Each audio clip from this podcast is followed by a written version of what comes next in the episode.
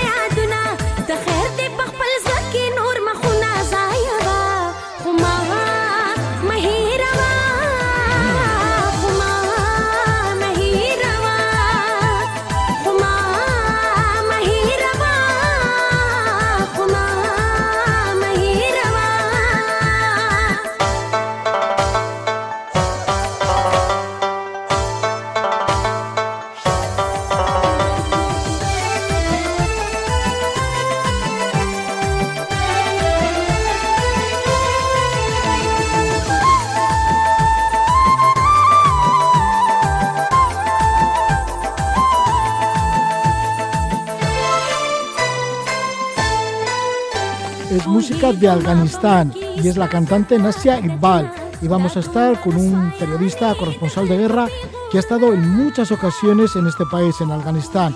Enseguida compartimos conversación con Jorge Melgarejo.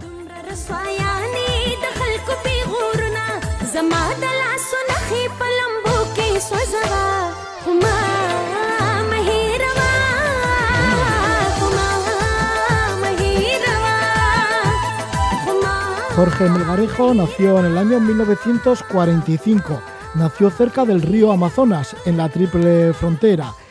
Es corresponsal de guerra y viajero incansable. Ha trabajado en diferentes medios de comunicación y tiene en su haber grandes reportajes y entrevistas a políticos y destacados protagonistas de diferentes momentos históricos en conflictos bélicos como los que han sucedido en Ruanda, en Burundi, en Sudán, en Bosnia, en Irán, en Irak, en Afganistán, Oriente Medio, Kurdistán y otros muchos sitios. Publica el libro, es su primer libro, con el título de Afganistán, la guerra enquistada, un relato que recoge los 25 años de relación de Jorge Melgarejo con la realidad afgana y su convivencia estrecha con sus gentes. Jorge Melgarejo entró, en numerosas, eh, entró numerosas veces de manera clandestina en este país, en Afganistán, debió ser como 29 veces que entró de manera clandestina, lo hizo desde la frontera con Pakistán, eh, también ha hecho muchas largas caminatas acompañando a la guerrilla de los muyahidines por las montañas. Estuvo en primera línea de frente, fue herido. También fue testigo de la voladura de las est- estatuas gigantes de Budas en Bamillán. Bueno, estas y muchas experiencias las relata en este libro Afganistán, la guerra enquistada. Tenemos con nosotros a Jorge Melgarejo. Muy buenas noches, Jorge. Muy buenas noches, amigo mío Roger. Jorge, que sé que te gusta mucho la música afgana y además en Afganistán aprecian muchísimo la música y también la poesía. Sí, lo que, lo que pasa que es que ellos de por sí eh, eh, siempre están, están bailando, están dando palmas, están en, en- en continuo movimiento. La, la música les, en- les encanta, excepto, claro, con, con la llegada de los, de los talibán que lo prohibieron todo. ¿Y cómo lo aceptaron? Porque si siempre están con ganas de bailar y de escuchar música, cuando llegan los talibanes acabaron con todo ello, ¿no? No se podía ni bailar ni escuchar música. Bueno, acaba, acaban con todo, no solamente acaban de, de manera así, eh, digamos, eh, rápida, sino que es que, por ejemplo, llegaron a prohibir que en los coches eh, se estuvieran, tuvieran radiocassette, entonces no había, no había mm, CD y todas estas cosas, sino con los cassettes. Entonces todos los que tenían en sus coches un aparato para, para tocar en los cassettes y tal y cual, pues los tuvieron que quitar todo. O sea que eh, prohibieron la música. Sí, y en estos años que has tenido esa relación de 25 años con Afganistán, ¿has tenido también comunicación con mujeres o esto te ha resultado bastante difícil? ¿Cómo, cómo? Si has tratado con mujeres, quiero decir que has podido entrevistar a mujeres o has acudido a sitios en donde ellas estudian. Eh, no, no, no, no de, de ninguna manera. Ni, bueno, siempre eh, vamos a yo yo por lo menos eh, hablo del medio rural porque en las en las capitales, como en el caso de Kabul, lo que sea la vida era un poco distinta, ¿no? Es incluso ahora es distinta. Con respecto a con respecto al al, al, al, medio rural. Es decir, el medio rural se ha seguido siempre muy de cerca eh, y, y, y, muy muy arraigado la, las tradiciones. Eh, en Afganistán, eh, ya sea por religión o por tradición, existe, existe algo que se llama pastón walí. El pastón walí es digamos que es el establece todas las reglas que rigen eh, la conducta de los afganos. Entonces esas son tres reglas y entre esas tres reglas eh, es, eh, rige la hospitalidad, eh, la venganza, la venganza es fundamental y la justicia y el honor. Pero también existe una cosa importantísima, que es el perdón a los vencidos. Todo eso la mayor parte desaparecieron con los con los talibán. Sí, y esto de que a la mujer la tienen como apartada o como oculta. Sí, sí, sí, claro. ¿Por, qué sucede? ¿Es por tradición también? Es, es, eso viene de muy atrás, de muy atrás. Ellos lo institucionalizaron y tal. Pero mira, hay una, una palabrita que se llama purdash. El purdash es, es lo que, eh, eh, por lo que se rigen para mantener oculta a la mujer, es decir, para que la mujer no, sobres, no, no, pueda sobresalir en absolutamente nada, ni en conversaciones, ni en ninguna nada, puesto que, puesto que les prohibían reírse en voz alta, les prohibían andar con tacos, con zapatos con tacos, para que no hicieran ruido, es decir, es la ocultación de la mujer es lo que conlleva el purdas. Y eso es lo que viene de, pues eso, con esa tradición. Pero bueno, también has nombrado otras, ¿no? Como el honor. ¿Qué supone el honor? Y luego también el tema de la amistad y la hospitalidad. Sí, eh, bueno, el honor, el, el, el honor es, es, es algo eh, que yo creo que ellos lo llevan, lo llevan muy dentro. Es decir, que es, eh, es imposible que un afgano no tenga honor. Una cosa es la interpretación que nosotros damos del honor. El, el, el afgano, en términos general, es un hombre muy, muy honorable en el sentido de respetar a una serie de cosas. Porque, por ejemplo, el, el la, hospitalidad. La hospitalidad es grandísima, es decir, eh, siempre y cuando eh, la persona al cual ellos están atendiendo, pues sea un amigo o, un amigo de un amigo, pero en términos general, amigo. Es yo siempre voy a recordar que cada vez que, he llegado a, un, a, una, a una aldea o, o a algún pueblito o lo que sea, y llegaba y, para dormir en ese sitio, por supuesto, yo iba con, con la guerrilla, entonces eh, el dueño de la casa jamás, jamás, jamás ha ido a sus aposentos, es decir, al, al, al, sitio donde él dormía, porque tenía que estar cerca del invitado, por si le pasaba algo, porque al estar debajo de su techo, él debe de proteger al invitado. Es decir, que esa, ese tema de la hospitalidad mm, ha, regido desde siempre los afganos. Y yo no creo que, que los talibán se hayan olvidado de eso. Lo que pasa es que se han impuesto unas, unas normas tan rígidas, tan rígidas, es decir, por conveniencia, que, eh, pero es difícil de olvidar todo eso. ¿Qué te llevó a Afganistán? Porque por aquel entonces serías bastante joven, joven cuando llegaste por primera vez, ¿no? Era la época con la guerra con la Unión Soviética. Sí, claro, mira, eh, nosotros aquí mm, en España sabíamos muy poco de lo que estaba pasando allá. Primero porque había muy poca información. Segundo porque mm, casi nadie se arriesgaba a ir a, aquel conflicto. Y tercero porque verdaderamente eh, a Europa le importaba bastante poco lo que estaba ocurriendo por ahí. Eso es así. Es decir, que, que en mi caso mm, particularmente yo puedo decir que, que a mí me llamaba la atención aquello que estaba lejos y que de alguna manera eh, se convertía en algo un poco inalcanzable. Es también la, la juventud que, que, no sé, que, que te da un poco de, de osadía y intrepidez pues eh, he ido para allá, pero en el, en, el, en el último de los casos eh, yo estoy muy agradecido de haber ido la primera vez porque eso me me dio pie para ir otras tantísimas veces y para estar mucho tiempo por ahí. Sí, pero sí que tenías que tener mucha osadía, ¿no? Porque la mayoría de las veces has entrado de manera clandestina y además entrabas con la guerrilla desde Pakistán y tenías que caminar mucho por, por caminos y ocultaros y además y esto los guerrilleros estarán acostumbrados, pero tú seguramente que no. No, no, no estaba, yo no estaba acostumbrado para nada, porque aunque a mí eh, que, quien, quienes organizaban el, la entrada, porque eso tiene que ser con un comando, porque tú no puedes entrar solo, entonces te tienen que dar protección y tal. Ellos sí lo hacen bien y cuando cuando preguntan si estaba preparado para subir montaña, pues claro, decir que sí, pero sin saber exactamente con lo que te ibas a encontrar allí. Y eso era absolutamente todo caminando, excepto algunas veces de andar a caballo, o en mula o, en burro, vamos, pero, pero normalmente es caminando. A veces ha sido muy, muy sacrificado. Ha llegado a un punto que yo recuerde que, que se me llegaron a pudrir los pies o sea, me salieron unas llagas y unas cosas. ¿Por qué? Eh, porque por el calor y, y de no quitarme las botas en muchos días los, los pies se, se, llegaron a, a, digamos, así bruscamente a pudrir. Seguramente, además, estaríais mal alimentados. Muy mal, muy mal, muy mal, muy mal, porque mira, le, eh, ellos ya te digo están están acostumbrados a eso, es decir, porque son tienen una, una fortaleza tremenda, pero la, la comida fundamentalmente eh, era eh, estaba compuesta por un poco de ortiga bueno mucha gente ya no sabe lo que es la ortiga. La ortiga es aquella aquella eh, plantita que si te lo pasas por la mano pica.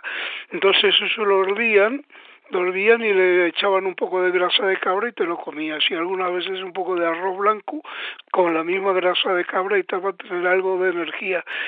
Y, y, y luego si, si se llegaba a una aldea que estaban además destrozados y no tenían nada pues igual te daban un huevo sabes lo que te quiero decir que no no la alimentación muy muy muy mala muy precaria y, y por eso quizás también muchos muchos colegas y muchos compañeros no no no, no, llegaron a ir porque quizás trascendía toda esa penuria, ¿no?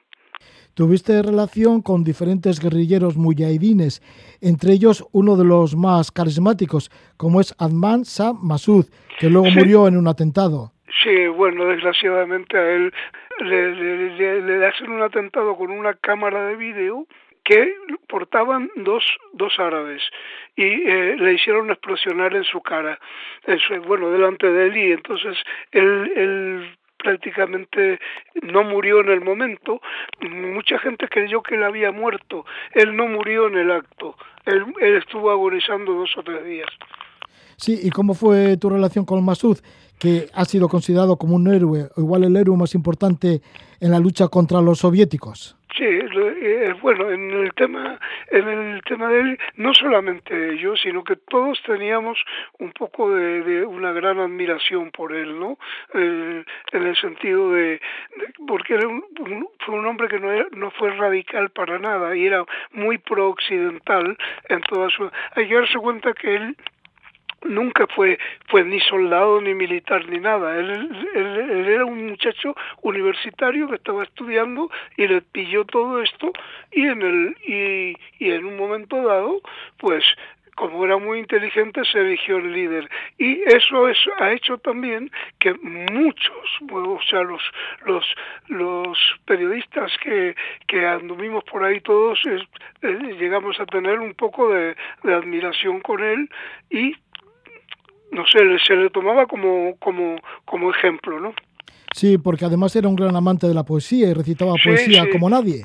Sí, sí, sí, porque tenía tenía esa esa cualidad, ¿no? De, de recitar poesías y aparte de eso, cuando cuando un afgano es es es instruido y y, le, y leído, digámoslo así, tiene siempre esa, esa connotación de recitar cosas, tal el caso eh, del, del, actual embajador de, de Afganistán en España, que también se llamaba como él, pero no de apellidos, también se llamaba, se llamaba Masud Khalili, él tuvo el atentado, sufrió el atentado con, con Amesha Masud y perdió un ojo. Él es el actual embajador en España.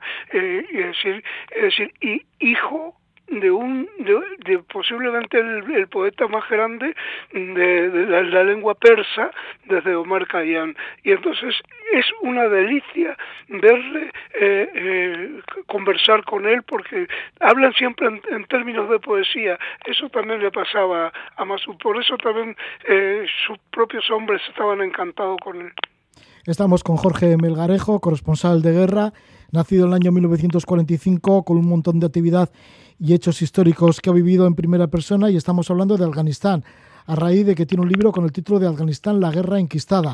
Ha estado en numerosas ocasiones durante 25 años en este país y él participó pues con los guerrilleros muyahidines, estuvo con ellos cuando fue la invasión de la Unión Soviética, en la época de la Unión Soviética, luego llegaron los talibanes, también estuvo en, en la época de los talibanes pero Jorge, tú, tú sí que has tenido varias ocasiones de, bueno, de jugarte muchísimo la vida, cuando, pues, por ejemplo, eh, cuando estabais en la toma de la ciudad de Jalabad por parte de los guerrilleros muyadines, fuiste herido en primera línea de fuego, o cuando también en Sudán fuiste secuestrado, o cuando ya más tarde en el Kurdistán estuviste por las montañas y te dio un, un ataque al corazón, ¿no? Sí, bueno, eso como se dice vulgarmente, la patata me, me, dio me dio un susto. Y yo yo creo que mm, en el caso del Kurdistán eh, ha sido entre otras cosas, eh, eh, por la tensión tan fuerte que estaba viviendo. Y posiblemente yo no sabía lo que era un infarto entonces como no sabía quiero decir que sé lo que es un infarto pero pero no lo había vivido hasta ese momento y tampoco sabía lo que me estaba pasando es decir que solo sé que que no podía moverme y que, que respiraba mal y que, que, parecía que me iba a morir. Entonces, eh, yo creo que ha sido un poco por, por la tensión pero luego ya digo para mí fue también un éxito grandísimo es decir porque mm, eh, de, alguna manera me, me, sirvió porque yo también tengo un, un, poco de admiración bastante diría yo por los por los kurdos es decir eh, pues son gente muy noble y entonces eh, eh, me dio la oportunidad de, entrevistar al, al líder máximo de la guerrilla eh, esto, kurda del PKK, es decir, y también digo que, que yo ni sabía que me iba a ver con él, porque eso fue una sorpresa que me dieron todos, hasta los propios kurdos estaban, eh, me dijeron, eres un hombre muy afortunado, porque normalmente es muy difícil que, que él salga de un reducto porque está muy muy muy perseguido tanto por los turcos como por la por las fuerzas internacionales hay que darse cuenta que el que el PKK está considerado como grupo terrorista, entonces es, era muy difícil. Y para mí, digo, aparte del infarto, pues me, dio un éxito rotundo en, en, el tema de, de profesional, digámoslo así. ¿En dónde estabas cuando te dio el infarto? Porque ¿qué estabais ocultos en algún lugar del Kurdistán? ¿Cómo? Que seguramente llegaríais a algún lugar del Kurdistán que es muy, muy extraño, ¿no? Digo, porque si ahí se ocultan las guerrillas... Mira, yo te voy a decir, mira, yo estaba eh, eh, en un sitio donde me, a mí me llevaron, porque ellos me llevaron a todos los sitios, decir, y me llevaron ahí y tuve la, la, la, oportunidad de verme no solamente con él, sino que me vi con la, con la líder número uno de las milicias femeninas del PKK. Tú sabes que ellos, ellos eh, eh, eh tienen un, una, una fuerza femenina enorme y, y es, entonces en un momento determinado, quien me estaba sirviendo de traductor, me dijo, mira, vamos a meternos en un vehículo y nos vamos a ir. Yo no preguntaba dónde, ni cómo, ni para qué. Es decir, simplemente fuimos. Y eh, al llegar a un, a un, a un lugar mm, eh, que era como una especie de, de, de, casa no abandonada, pero, pero sí que tenía una sola habitación grande y había una mesa y yo me senté allí esperando no sé qué, yo no pregunté jamás. Y al rato comenzaron a llegar eh, eh, guerrilleros del PKK y eh, a los 10 minutos apareció Carillalán, que es el líder máximo, y yo me quedé helado porque eh, claro, si me, yo me pongo a pensar, digo, bueno, yo quería hacer unos, unos, unos reportajes en, aquel, toda aquella zona, pero nunca me había imaginado que me iba a ver con él. Yo lo había pedido, ¿eh? yo lo había pedido, pero no nunca me respondieron ni que sí ni que no. Y entonces, eh, verdaderamente eso es, es en las montañas del Candil. En las montañas del Candil, cuando te entrevistaste con Murat Karillalán, sí. el jefe máximo del PKK, bueno, ¿y, el, ¿y el infarto que te dio después de la entrevista? ¿Cómo? Eh, No, después, después, porque eh, yo estuve tres veces ahí. Una vez eh, fallé rotundamente, rotundamente digo, porque no, le, no logré objetivo alguno. Sencillamente, mm, eh, o sea, me salió mal y me salió mal. Y, y la la segunda vez eh, me salió muy bien y la tercera vez es cuando me dio el, el, el infarto. ¿Y cómo lo hiciste para salir de allí, de las montañas? Mira, porque eh, ellos, ellos pueden pueden pasar los controles del digamos del, del del ejército iraquí, pero en este caso no no no no eran sino son los los propios kurdos, ¿no? Los kurdos de Irak y pasar eh, los controles. Lo que no pueden pasar ni entrar ni salir son los extranjeros y mucho menos un periodista, claro. Entonces a mí me llevaron hasta un punto y allí me tuve que bajar del vehículo y hacerlo todo a pie, eh, rodeando la montaña eh, y de noche. Ellos me pusieron un como como una digamos un guía y, y caminar por los por los senderos que no son senderos sino simplemente ir andando para eh, eh, evitar todo tipo de control y cualquier cosa turca y todo esto. Y entonces llega un momento llega un momento que ese muchacho que me acompañaba que me llevaba me cogía del brazo porque veía que yo estaba mal. El muchacho era muy jovencito pero estos son la gente que suelen hacer contrabando, que pueden hacer, que conocen muy bien los senderos, y el PKK les encargó a uno de ellos, y yo no hablaba con él de ninguna palabra, porque él no hablaba otra cosa más que turco y kurdo. Entonces en un momento determinado, eh, eh, eh, cuando yo me caía, verdaderamente me caía y él me levantaba. Entonces llegó un punto que ya no pude caminar y me quedé sentado allí.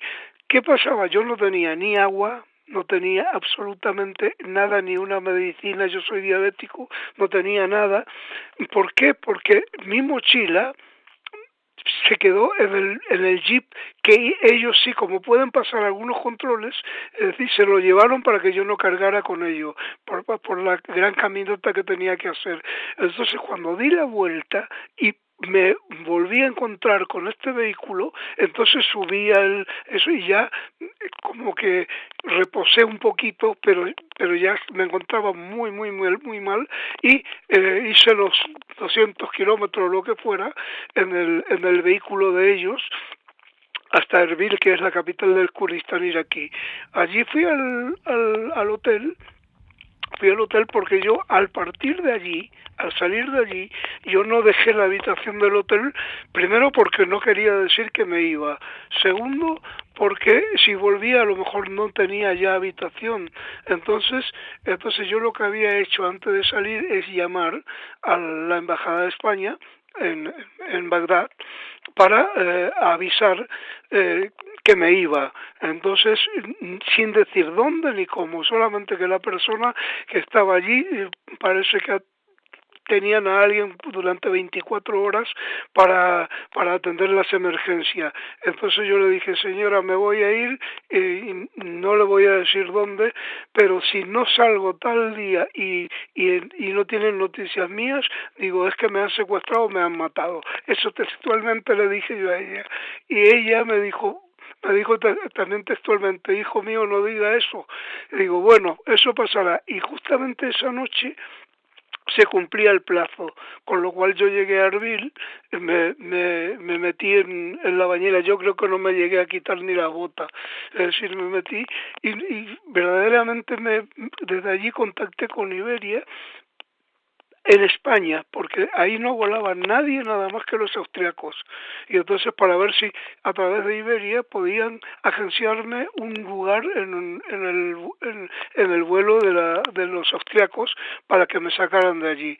Entonces, eh, parece parece eh, como como una película esto no pero eh, ellos sí me consiguieron que pudiera yo ir al al, al aeropuerto y coger un avión. El avión de, de los austriacos llega a Erbil pero los se bajan los pasajeros pero no se bajan los ni ni, ni el, el, personal ni azafatas ni pilotos es decir por las bombas. Entonces ellos se quedan en el avión suben los pasajeros y se van. Y en eso yo me fui para allá eh, eh, me metí en el avión me metieron ellos sabía que yo no me encontraba bien muy, muy bien y he, he llegado a Viena y en Viena ya luego fue coser y cantar. O sea, ya meterme luego al amanecer en un primer avión de Iberia para España y cuando llegué aquí estaba hecho polvo, claro. Bueno, pues fíjate, todas las peripecias que has pasado en, en el Kurdistán iraquí cuando fuiste allí a las montañas de la guerrilla del PKK y además te entrevistaste con su autoridad máxima, con Murat Kariyalan y el infarto que te dio y cómo pudiste regresar a Erbil, en la parte del Kurdistán iraquí, y salir para Viena y llegar a Madrid. Bueno, pues una vez más te salvaste, Jorge. Sí, la verdad que la verdad que yo digo, bueno, yo ya eh, siempre decimos que tenemos eh, eh, siete vidas como los gatos o y tal, yo a, algunas las he perdido ya, ¿eh? Sí. Y, y, con, y con otras me sigo quedando y mira, muy bien. Muy bien, bueno, pues sí, tenemos la suerte de entrevistarte y estar comentando pues algunas de las vivencias que has vivido, sobre todo en Afganistán y en el Kurdistán. En Afganistán, porque tienes ese libro, Afganistán, la guerra enquistada, de Jorge Melgarejo, que lo edita la ERTES. muchísimas gracias, Jorge Melgarejo, que vaya todo muy bien y hasta una nueva entrevista, alguna nueva conversación, porque Sí, ya me gustaría saber cómo, cómo fueron las mejor en circunstancias. algún momento me acerco por ahí, me acerco por allí a que nos tomemos un vinito. Ah, vale. vale, pues encantado. Y así sabré cómo naciste accidentalmente cerca del río Amazonas. Pero Sí. bueno, ya, ya No, hablaremos ha sido, de ello. Ha sido, ha sido- no, pero eso ha sido una casualidad, como podía haber sido en, en, en eh, Tumbutú. Vale, Así que nada. muy bien. Vale, Pues pues mu- muchísimas gracias, Jorge. Que vaya Muchas muy gracias bien. a vosotros, Roger. Vale. Hasta luego.